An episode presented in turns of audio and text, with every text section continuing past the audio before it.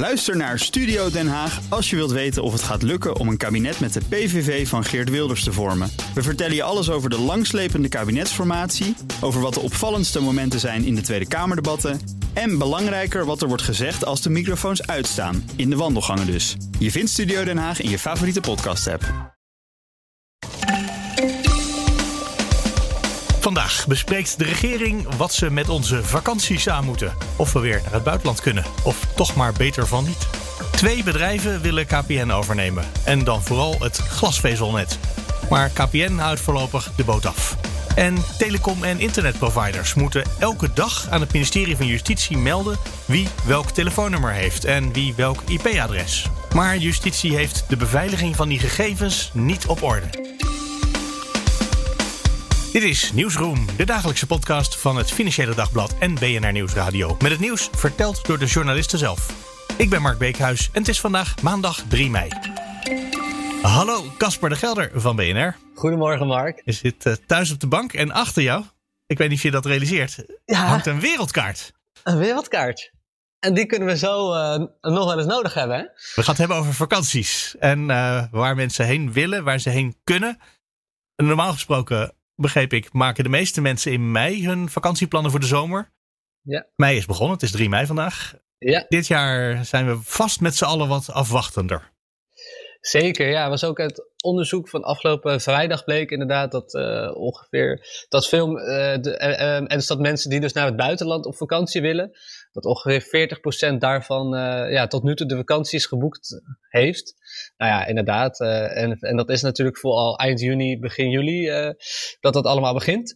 Ja. Dus dat is inderdaad best wel laat. Dus mensen zijn eh, afwachtend. En eh, nou ja, vanochtend eh, spraken we als BNR ook eh eens met eh, topman eh, Arjan Kers. En die zei inderdaad ook dat, eh, ja, dat er nu echt nog wel weinig boekingen binnenkomen. Omdat mensen toch nog gewoon eh, ja, zeker willen weten van het kabinet. Van ja, eh, eh, ja, kan ik dan gewoon zonder gedoe op vakantie? Of moet ik dan bij, eh, als ik thuis kom alsnog 14 dagen bijvoorbeeld in quarantaine? Nou ja, dan is zo'n buitenlandse vakantie natuurlijk niet ideaal. Dan heb je heel veel vakantiedagen nodig.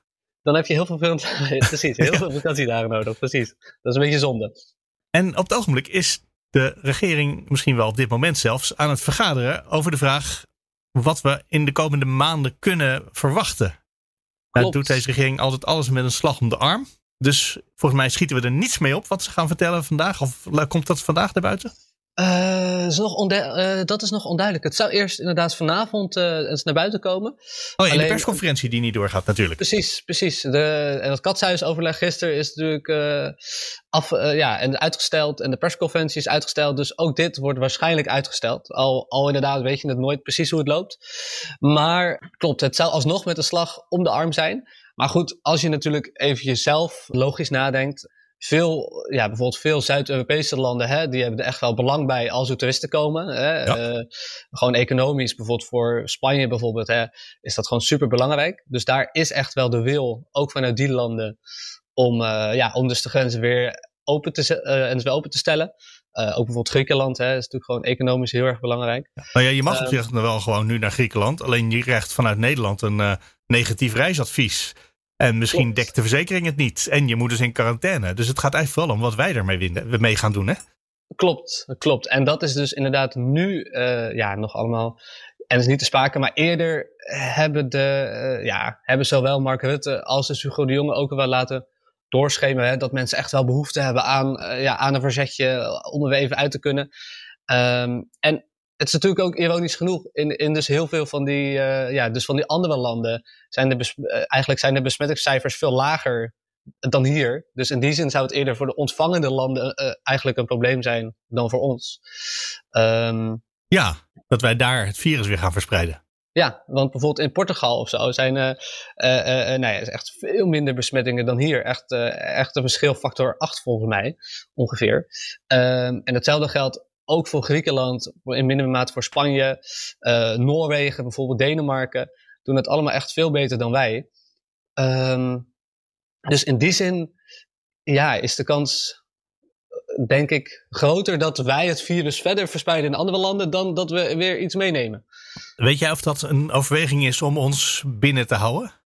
of de Nederlandse regering zegt, maar dat moeten wij die landen niet aandoen. We houden het advies nog even op, op rood. Dat weet ik niet. Of dat, dat zou wel netjes van ons zijn, ook al willen we heel graag. Dat zou inderdaad, ja, dat zou heel erg moreel zijn.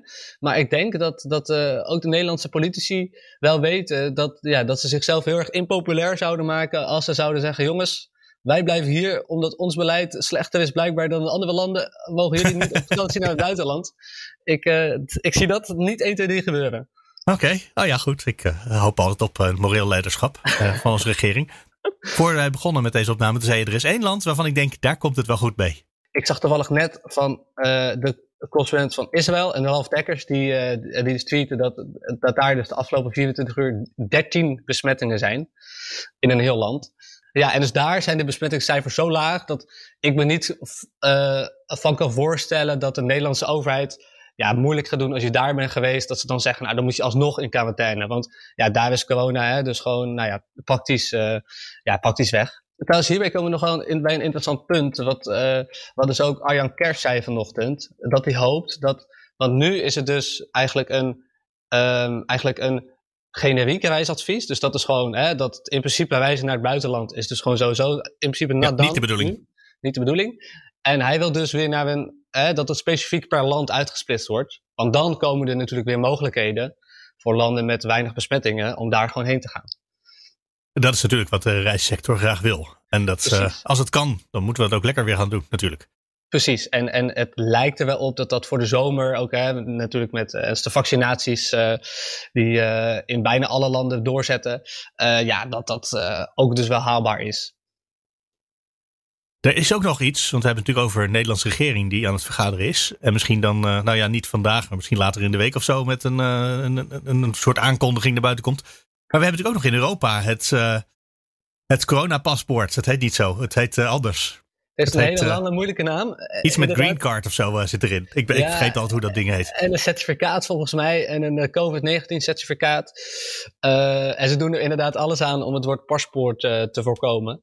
Maar ja, feitelijk komt het daar inderdaad wel op neer. De Digital Green Certificate, dat is hem. Ah, kijk, ja, mooi. Snel mooi, even gegoogeld. Kijk, heel mooi. Nou, het digitale groene certificaat. Dan weet je dat je naar andere landen mag of kan. Jij persoonlijk. Ja. Dat gaat misschien ook nog oplossingen bieden.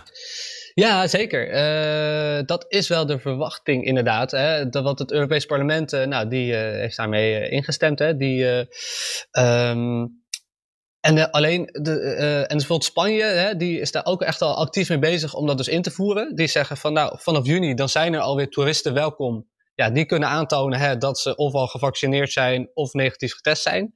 Of die al corona en dus hebben gehad. Um, maar ja, dat moet je dan nog wel kunnen aantonen. En dat is natuurlijk dan nog wel technisch nog wel interessant. Want nou ja, daar gaan we natuurlijk niet in die hele discussie. Maar over met negatieve testen en met. Er is natuurlijk best wel wat om te doen. Ja. Dus dat, uh, en dus met name aantonen dat je al corona en dus hebt gehad, dat lijkt me met name echt een lastige. Maar goed, moet je een antistoftest. Uh, Alleen daarvan zijn ook weer heel veel verschillende op de markt. Nou ja, dat is natuurlijk nog best even een puzzel om dat, uh, met, ja, om dat uniform af te spreken. Dus dat is nog niet geregeld, maar er wordt aan gewerkt. Ja, zeker. Zeker, ja. Dus, dus al met al denk ik, en ook dus hè, met ja, en dus de vaccinaties die gewoon echt best wel doorzetten en, en, en lijkt, lijkt het me daardoor wel realistisch inderdaad dat er en dus de wil is in dus heel veel landen om weer gewoon toeristen te ontvangen. En dat er inderdaad Europees hard aan wordt gewerkt. Ja, denk ik dat, uh, ja, dat de vakantie er deze zomer toch wel in zit. Zonder al te veel uh, poespas. Je bent optimistisch. Ik ben optimistisch. Oké. Okay. En jij niet? Nou, ik, eh, ik ben in de afgelopen jaar ben ik erg geworden van uh, laten we het even afwachten. Kijken als het, als het kan, dan kan het weer. En tot die tijd weten we het niet. Een beetje afwachtend geworden hierbij. Ook omdat er heel erg veel gezwabberd is. Het zou zomaar kunnen zijn dat toch de smettingscijfers weer te hoog zijn. Dat, uh, die hoorden vorige week nog over uh, dreigend code zwart. Klopt, ja. Voor je het weet hebben we weer een avondklok. Ja, nee, het kan, het, het kan nog alle kanten op. Nee, het, het, zeker, zeker. maar moet, kijk even op de kaart achter je. Heb je al iets in gedachten? Ja, we, ik kijk op de kaart achter me. Nou, ik denk, ja, kijk, zelf, dat, uh, dat, zelf ben ik inderdaad heel erg pragmatisch. Denk ik, ik heb een auto, ik heb een tent. En, uh, een, week, ja. en een week van tevoren, dan kijk ik even op de site uh, van Buitenlandse Zaken.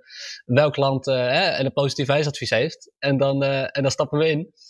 Maar goed, dat is mijn persoonlijke, mijn persoonlijke manier om dus hiermee om te gaan. Ja. Als je echt houdt van dus verre reizen, ja, ik zou dan toch Israël, hè, dat, nou, dat, uh, dat lijkt me vrij veilig. Um, maar goed, wel weer buiten de Europese Unie. Dus uh, uh, ja, ook daar kan natuurlijk altijd nog iets politieks, ja, een politiek menings, meningsverschil zitten. Ja. Verder een land met heel lage besmettingscijfers is bijvoorbeeld IJsland. Oh ja. Dus ook IJsland, dat kan je ook, denk ik, vrij zorgeloos boeken. Ja, en New York, hè? dat is misschien ook wel een idee. Want in New York kan iedereen, hoef je niet eens in New York te wonen, een vaccin krijgen nu. Dus oh, moet je ja. twee weken blijven, kan je, krijg je de tweede naald ook. Nou, dat is ook, ook nog een heel goed idee. Dus dan kom je gevaccineerd terug. Kijk, en dan, uh, nou, en dus dan ligt de wereld voor je open. Casper de Gelder, dankjewel. Ja, Mark, graag gedaan. Hallo, Jeroen Piersma van het Financieel Dagblad. Dag Mark. We gaan het hebben over KPN. Er zijn minstens twee bedrijven die hebben bedacht dat ze KPN graag willen overnemen. En KPN heeft twee keer goed nagedacht en twee keer gezegd, nou, beter van niet. Uh, ja, daar komt het op neer. Uh, KPN heeft gisteren een persbericht de wereld ingestuurd waarin ze uh, eigenlijk dat zegt. En dat is wel nieuw, omdat er gaan al veel langer verhalen ook in de pers dat partijen geïnteresseerd zouden zijn in KPN. Alleen heeft KPN tot nu toe steeds gezegd: we gaan niet in op geruchten. Nou, gisteren hebben ze dat dus wel gedaan. En daarmee uh, hebben ze bevestigd dat het dus niet een gerucht is, maar dat er wel degelijk toenaderingspogingen geweest zijn van die twee genoemde partijen. En hebben ze verteld waarom ze deze twee uh, biedingen, twee bedrijven, niet interessant vinden? Um, ze hebben verteld dat ze uh, prima bezig zijn met de eigen strategie. Wel gelukkig. En dat komt er eigenlijk op neer dat ze uh, de komende jaren uh, heel snel heel veel glasvezel willen aanleggen in Nederland. Uh, en het idee daarachter is dat ze um, bestaande klanten die op hun kopernetwerk zitten kunnen laten verhuizen naar dat glasvezel. En dan nemen ze een sneller abonnement en dan gaan ze ook meer betalen voor dat abonnement. Um, en ze hopen natuurlijk nieuwe klanten aan te trekken met uh, dat snelle internet. Uh, en het doel is uiteindelijk om ervoor te zorgen dat de omzet bij KPN eindelijk weer eens kan gaan stijgen. Waar het de afgelopen jaren eigenlijk altijd alleen maar gedaald is. Ja, ik moet zeggen, uit persoonlijke ervaring. Ik heb zo'n koperdraadje van ze, twee koperdraadjes zelfs. En toen ze zeiden, u eh, kan ook glasvezel voortaan, maar dan moet u wel heel veel meer gaan betalen. Toen heeft me dat nog wel een beetje tegengehouden. Toen dacht ik, nou, internet is eigenlijk wel snel genoeg wat ik nu heb. Dus ik weet nou, niet of ik het optimisme deel. Ja, maar KPN gaat er toch echt van uit dat jij uh, uh, na verloop van tijd toch bezwijkt voor uh, dat aanbod van veel sneller internet. Ah, en het idee is natuurlijk dat ehm, we zitten in een enorme digitaliseringsgolf, nog weer aangejaagd door corona. Iedereen werkt thuis, iedereen speelt spelletjes thuis om de verveling te verdrijven. Iedereen kijkt naar Netflix om de verveling te verdrijven. En als de hele familie dat doet, ja, dan heb je toch wel wat ja, sneller internet nodig dan koper kan bieden. Dat is waar, dat is waar. Wat voor bedrijven waren het die hadden bedacht dat ze KPN zouden kunnen inleven? Ja, het waren uh, het Zweedse EQT, dat is uh, de investeringsmaatschappij van de Wallenberg-familie, een steenrijke Zweedse familie, samen met een Amerikaanse investeringsmaatschappij, Stonepeak. Uh, dat wisten we overigens al. Um, begin april heeft de Wall Street Journal al gemeld dat die, die twee partijen hun oog hadden laten vallen op KPN. Maar daarnaast, en dat was nieuw, meldt uh, KPN dus ook dat ze van uh, KKR een toenaderingspoging hebben gehad. Uh, of die ook een bod hebben uitgebracht. Zoals gezegd wordt van EQT en Stonepeak, dat is niet helemaal duidelijk. Het KKR, dat, dat noemden we een paar jaar geleden een springhaanfonds, hè? Dat is een private equity. Uh, ja, jij gebruikt het net woord, ja. dat adjectief uh, kleeft daar aan. En dat, dat EQT, dat is een ander soort? Of is dat eigenlijk in dezelfde categorie? Ja, vind ik lastig om te zeggen. Um, het, het, het klinkt iets degelijker. Het is niet Amerikaans, het is niet Wall Street, maar het is Zweeds. dat stelt Nederlanders iets pietje gerust. En um, Misschien is het iets meer een investeringsmaatschappij. Bekennen ze in Nederland vanwege hun aandeel in Delta Fiber. Een Nederlandse kleine concurrent van KPN die glasvezel aanlegt in Nederland. En dat is ook wat zij van KPN graag wilden hebben, de glasvezels. Uh, glasvezel is wel, denk ik, het belangrijkste uh, element in de belangstelling van deze investeringsmaatschappijen. En willen ze, dus dan de rest, willen ze de rest dan afsplitsen van die glasvezel? Of willen ze het KPN wel KPN houden? Nou, het idee is wel, dat neemt iedereen tenminste aan, dat ze um, KPN uh, willen splitsen in uh, het netwerk enerzijds en het uh, dienstverleningsbedrijf anderzijds. Um, omdat het idee toch is dat met dat vaste netwerk, um, dat je daar een, een hogere waardering aan kan hangen dan aan het dienstverleningsbedrijf. Ah ja. En um, KPN zegt tot nu toe dat ze dat niet willen. Maar ik heb ook wel analisten gesproken die ervan uitgaan dat ze het misschien eigenlijk op de langere termijn toch ook wel zouden willen. Enfin, dat, dat, dat laatste is niet duidelijk. Um, alle partijen die uh, verstand hebben van de sector gaan ervan uit dat grote investeerders zoals EQT uh, primair geïnteresseerd zijn in het vaste netwerk en dan in het bijzonder in het glasvezeldeel daarvan. En dat dus zouden willen afsplitsen van uh, het dienstverleningsbedrijf.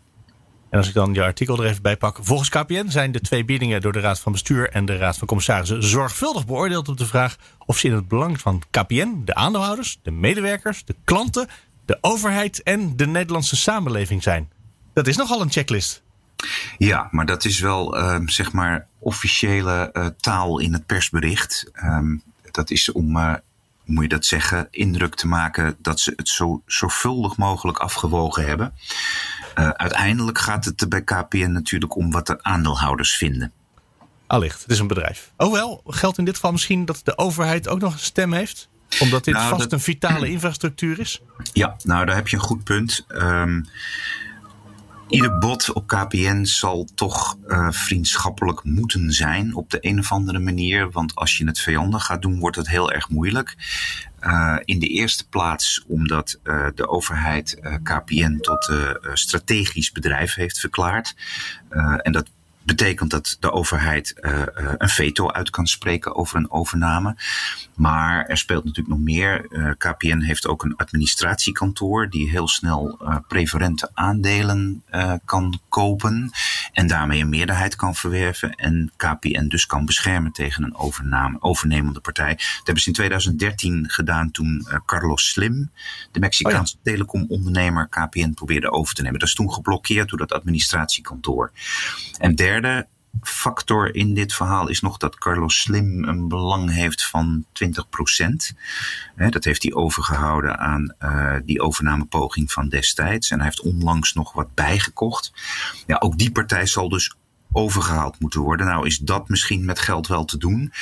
Maar de overheid en dat administratiekantoor, dat zijn behoorlijke obstakels. Gaat dit nu uh, voorbij? Is het over? Of denk je dat dit uh, dat er toch serieus gesproken nog wordt in de toekomst, in de komende maanden?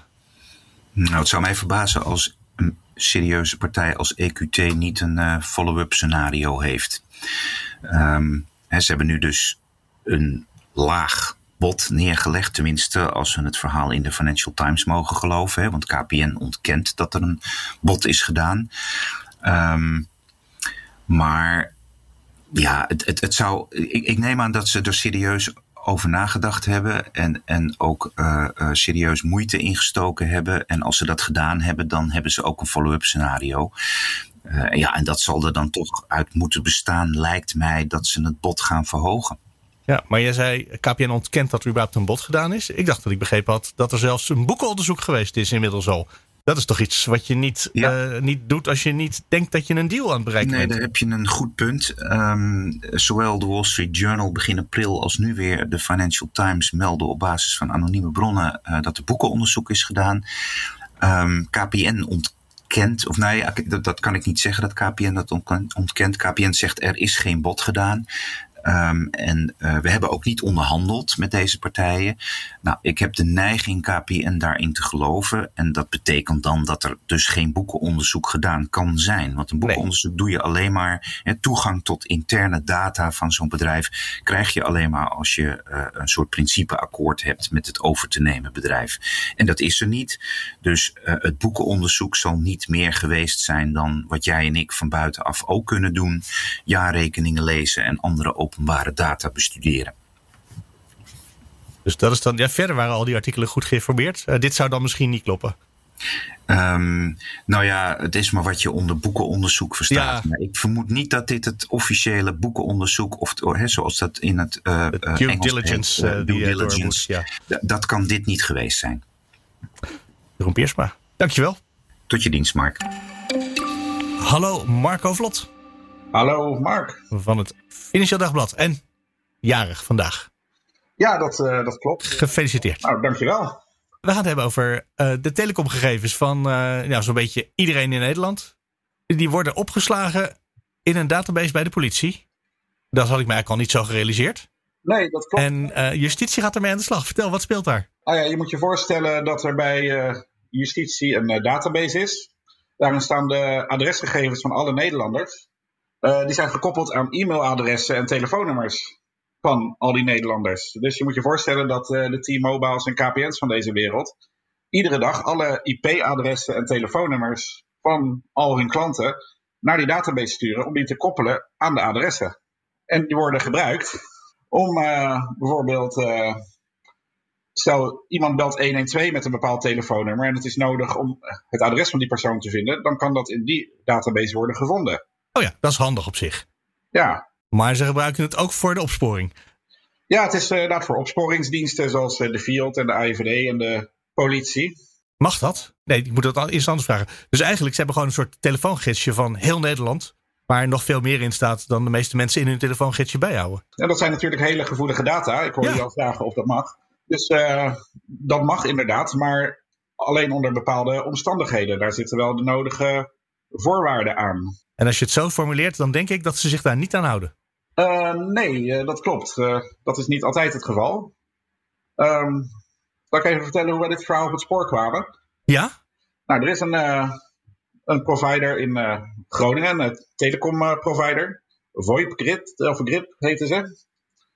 En ehm, die weigeren eigenlijk al een jaar of tien die gegevens aan te leveren. Want zij zeggen, ja, wij weten niet of die gegevens veilig zijn. Ah. Bij de overheid. En zolang wij dat niet zeker weten, gaan wij die gegevens niet geven. Nou, inmiddels hebben ze daar, uh, zijn er zodanig veel dwangsommen opgelegd dat ze dat uh, wel moeten zijn gaan doen. Maar daarvoor zitten ze nu ook bij de rechter, omdat zij gewoon willen bepalen of die gegevens veilig zijn. Zij maken zich zorgen dat de overheid de privacy niet goed geregeld heeft. Daar kan je je iets bij voorstellen. Ja. En, uh, en dus kwam er een rechtszaak dat ze over het wel of niet leveren van die gegevens. Het gaat er bij hen vooral om wie is eigenlijk verantwoordelijk voor die gegevens. Aha. Want zij zeggen ja, vanwege de, de AVG, de Europese privacyrichtlijn, zijn wij verantwoordelijk voor die data. Dus als wij die aan justitie geven en die uh, fokken de boel op, dan is dat onze schuld. Dan krijgen wij uh, de autoriteit persoonsgegevens achter ons aan. Dus uh, zolang dat uh, niet bepaald is, ja, geven ze dus die gegevens liever niet. Nou ja, wij zijn er dus uh, ingedoken. Aha. En het blijkt dus dat onderdeel van die database, van die dienst die dat doet, is dat ze ieder jaar worden gecontroleerd. Dat ze een audit krijgen. En als je de meest recente leest, uit 2018, blijkt er inderdaad nog wel het een en ander mis te zijn. Op welke manier gaat het mis? Uh, nou, mensen die eigenlijk geen toegang zouden moeten hebben tot die database, die kunnen er uh, soms wel in. Um, 112-centrales, die mogen eigenlijk geen gegevens uit die database halen, maar die doen dat wel. Want zij zeggen van ja, dat zijn soms noodgevallen en dan moet dat. Maar ja, er is geen wettelijke grondslag voor. Ja. Voor de rest maken zij gebruik van groepsaccounts. Dus dan uh, staat er geregistreerd dat iemand uit een bepaald, uh, van een bepaald groepsaccount die gegevens heeft uh, opgezocht. Maar wie dat is, valt dan niet meer te achterhalen. Dat is ook niet hoe je het moet regelen, normaal gesproken. Nee, precies. Wat zegt de overheid? Dat die hele database daar ligt en niet zo goed beveiligd is. is dat, hebben ze daar een goed antwoord op? Nou, ze zeggen ten eerste dat de politie sowieso recht heeft op die gegevens. Die mogen ze opvragen. Alleen in de wet is niet geregeld dat het via die specifieke database kan. Daar hebben ze een eigen systeem voor. Een uh, 1 in 2 systeem. Ja. Alleen uh, dat werkt nog niet goed. Dus dat. Uh, ze zeggen, in de reactie zei justitie dat dat ergens uh, later in dit jaar werkend zal worden. En ja, dan is die wettelijke grondslag niet meer nodig. Dus ja, dat is natuurlijk hartstikke positief. Later dit jaar, maar op dit ogenblik nog niet. Op dit uh, ogenblik nog niet, inderdaad. En uh, ja, over mensen die ongeautoriseerd toegang kregen tot die database, zeggen ze ja, het is niet te zeggen of dat per se ook onrechtmatig was. Misschien mochten ze er wel in, maar waren er wat administratieve foutjes gemaakt of uh, ja, wie weet. kleine dingen mis. En, en dat ja. kan natuurlijk ook, ik weet het ja, niet. Maar wie weet waren het ook gewoon criminelen. dat, dat zullen we nooit weten. Ja, dat is een, uh, een beetje het probleem ervan. Dus het lijkt erop dat die database is uh, gemaakt en dat er allemaal regels voor zijn. En dat die ja, gedurende het traject dat het uh, ding bestaat, dat is al sinds begin deze eeuw, dat er ieder jaar wat fouten worden opgemerkt en die dan geleidelijk aan worden verbeterd. Dus ja, je zou eruit kunnen destilleren dat over een paar jaar het misschien allemaal geregeld is. Over een tijdje is het misschien juridisch in orde. Dan voelt het nog steeds onprettig dat er elke dag een kopie van het hele klantenbestand van alle telefoonbedrijven en alle internetbedrijven zo, kijk, ik, ik heb altijd het idee gehad, als er een onderzoek is, dan kan de politie naar KPN gaan om te vragen, wat is eigenlijk het IP-adres van meneer Beekhuis? En dat ze het dan weten. Maar zo gaat het dus niet. Ze hebben gewoon zelf een kopie van alle IP-adressen, waar alles gewoon al klaar ligt voor het geval ze een keer een vraag over mij zullen hebben. Ja, dat klopt. Daar heeft Grit het ook uh, over gehad. En die zeggen ook van ja, als de overheid bij ons komt en zeggen van joh, we hebben die gegevens echt uh, super dringend nodig en dat is allemaal wettelijk in orde dan leveren ze die gegevens gewoon aan. En dat zullen andere providers ook doen. Ja. Alleen, ja, omwille van de snelheid en het gemak uh, voor de politie bij dringende onderzoeken of andere zaken, hebben ze dus ook een eigen database. Ja, en daar kan je wel iets bij voorstellen dat ze dat willen. Maar ik kan me van mezelf ook wel voorstellen dat ik dat eigenlijk niet wil. Dat de overheid dat zo uh, altijd onder handbereik heeft. Zeker omdat ze dus kennelijk de toegang niet eens goed geregeld hebben met groepsaccounts en met uh, onbekend wie er soms toegang heeft gehad. Ja, ik moet zeggen, voordat ik uh, hiermee begon met dit stuk, was ik me er ook helemaal niet van bewust dat die gegevens werden verstuurd. Precies. Die uitspraak van de rechtbank, heeft de rechter al gezegd wanneer we, er, wanneer we die kunnen verwachten? Nog niet. Um, VoIP Rit zei zelf wel van ja, het duurt minstens zes weken, maar ja. ja het heeft zo'n precedentwerking op hoe de gegevens van providers naar de, overheid gaan. Die verwacht wel dat, daar, dat de rechter daar goed over na gaat denken. Misschien wat overleggen met collega's. Dat het nog wel wat langer kan duren, maar nou, dat is allemaal speculatie. Ja, maar, maar misschien nemen ze hun tijd bij de rechtbank. En dat zou in dit geval ook logisch zijn. Uh, ja, ja, ja, we hebben eigenlijk ook uh, even bij de autoriteit persoonsgegevens nagevraagd. Uh, of wat VoIP zegt klopt. Van ja, wie is nou eigenlijk eigenaar van die gegevens?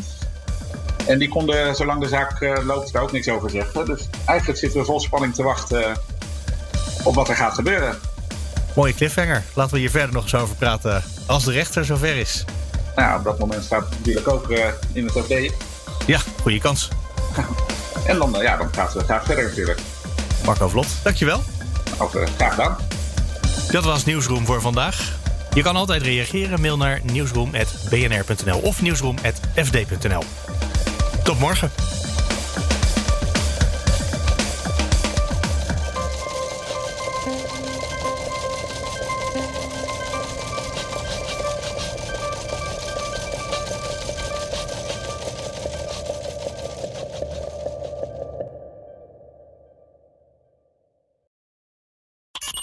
Bas van Werven vind je in de BNR-app. Ja, je kunt live naar mij en Iwan luisteren tijdens de ochtendspits. Je krijgt een melding van Breaking News. En niet alleen onze podcast Ochtendnieuws, maar alle BNR-podcasts vind je in de app. Download nu de gratis BNR-app en blijf scherp.